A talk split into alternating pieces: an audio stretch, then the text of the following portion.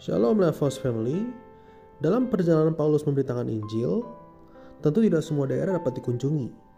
Karena memang waktu itu zaman itu terbatas sekali bukan? Belum ada transportasi secanggih hari ini. Dan zaman itu juga sosial media tidak ada. YouTube tidak ada, Instagram tidak ada, TikTok juga tidak ada. Sehingga wajah Paulus itu tidak terlihat. Namun berita tentang pertobatannya terdengar di berbagai daerah.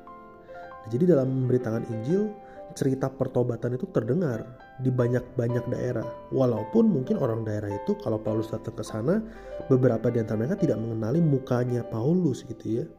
Tapi yang menarik di sini adalah ini bukan perkara terkenalnya muka Paulus, terkenalnya bentuk tubuhnya Paulus, bukan.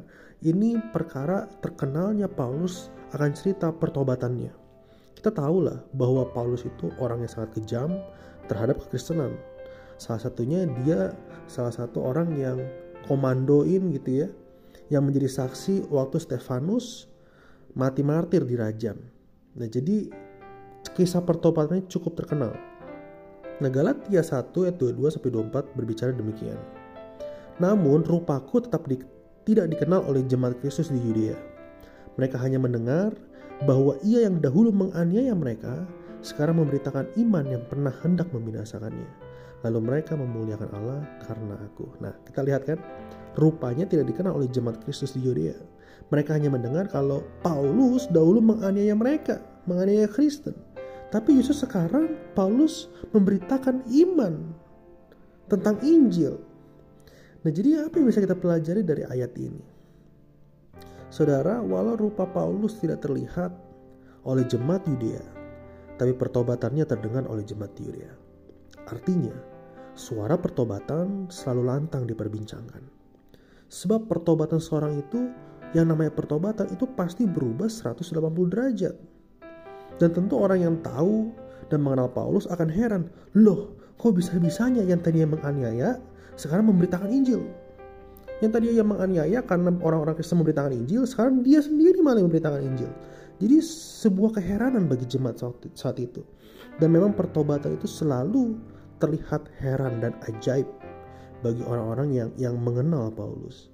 Nah demikian pula kehidupan iman kita hari ini. Setiap kita yang mengalami sebuah pertobatan 180 derajat tentu pasti akan akan menemui sebuah keheranan yang datang dari orang sekitar kita. Orang sekitar kita mungkin akan bertanya, loh kok kamu bisa berubah? Loh kok kamu bisa beda banget sama yang sebelumnya? Gitu ya.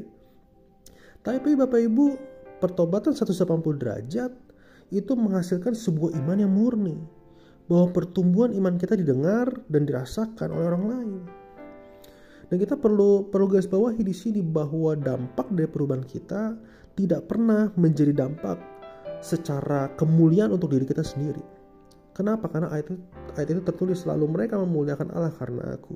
Artinya dampak perubahan, dampak pertobatan selalu untuk kemuliaan Tuhan. Allah dimuliakan melalui pertobatan kita. Jadi makanya Paulus juga pernah bilang di ayat yang lain, kalau aku boleh bermegah, aku bermegah dalam kelemahanku. Karena dalam kelemahanku kuasa Tuhan nyata. Jadi memang pertobatan atau dalam tanda kutip kehebatan pertobatan tidak pernah menjadi kemuliaan kita, tetap menjadi kemuliaan Allah. Tetap menjadi kemuliaan Allah. Dan saudara harus tahu bahwa pertobatan tidak pernah didesain untuk dialami diri sendiri. Pertobatan selalu didesain untuk menginspirasi diri dan orang lain. Itulah nanti yang kita kenal sebagai kesaksian. Kesaksian orang percaya inilah yang akan terus menginspirasi orang-orang untuk memulai pertobatan. Kesaksian kita yang bertobat akan menginspirasi keluarga, sahabat, teman, rekan kerja kita untuk memulai pertobatan. Jadi betapa berpengaruhnya pertobatan kita. Betapa berpengaruhnya pengalaman kita dengan Tuhan. Nah tentu setelah mengalami pertobatan kita perlu menjaga pertobatan sendiri. Konsistensi diperlukan Sebab ketika kita kita mengatakan bahwa hidup kita bukan milik kita sendiri lagi, sebab Kristus ada di dalamnya, maka ini sebuah panggilan untuk kita setia dan konsisten sampai akhir. Hidup kita perlu kita jaga dengan baik supaya orang-orang yang tadi sudah bersyukur mengenal kita, orang-orang yang sudah terinspirasi oleh iman pertobatan kita juga boleh terus setia pada pertobatannya. Karena jangan sampai mereka undur karena mereka kecewa. Jangan sampai mereka undur karena kita menjadi batu sandungan bagi mereka. Jadi Bapak Ibu Saudara, mari kita tekuni pertobatan ini dan biarlah pertobatan kita dirasakan dan didengar oleh orang lain. Tuhan Yesus memberkati.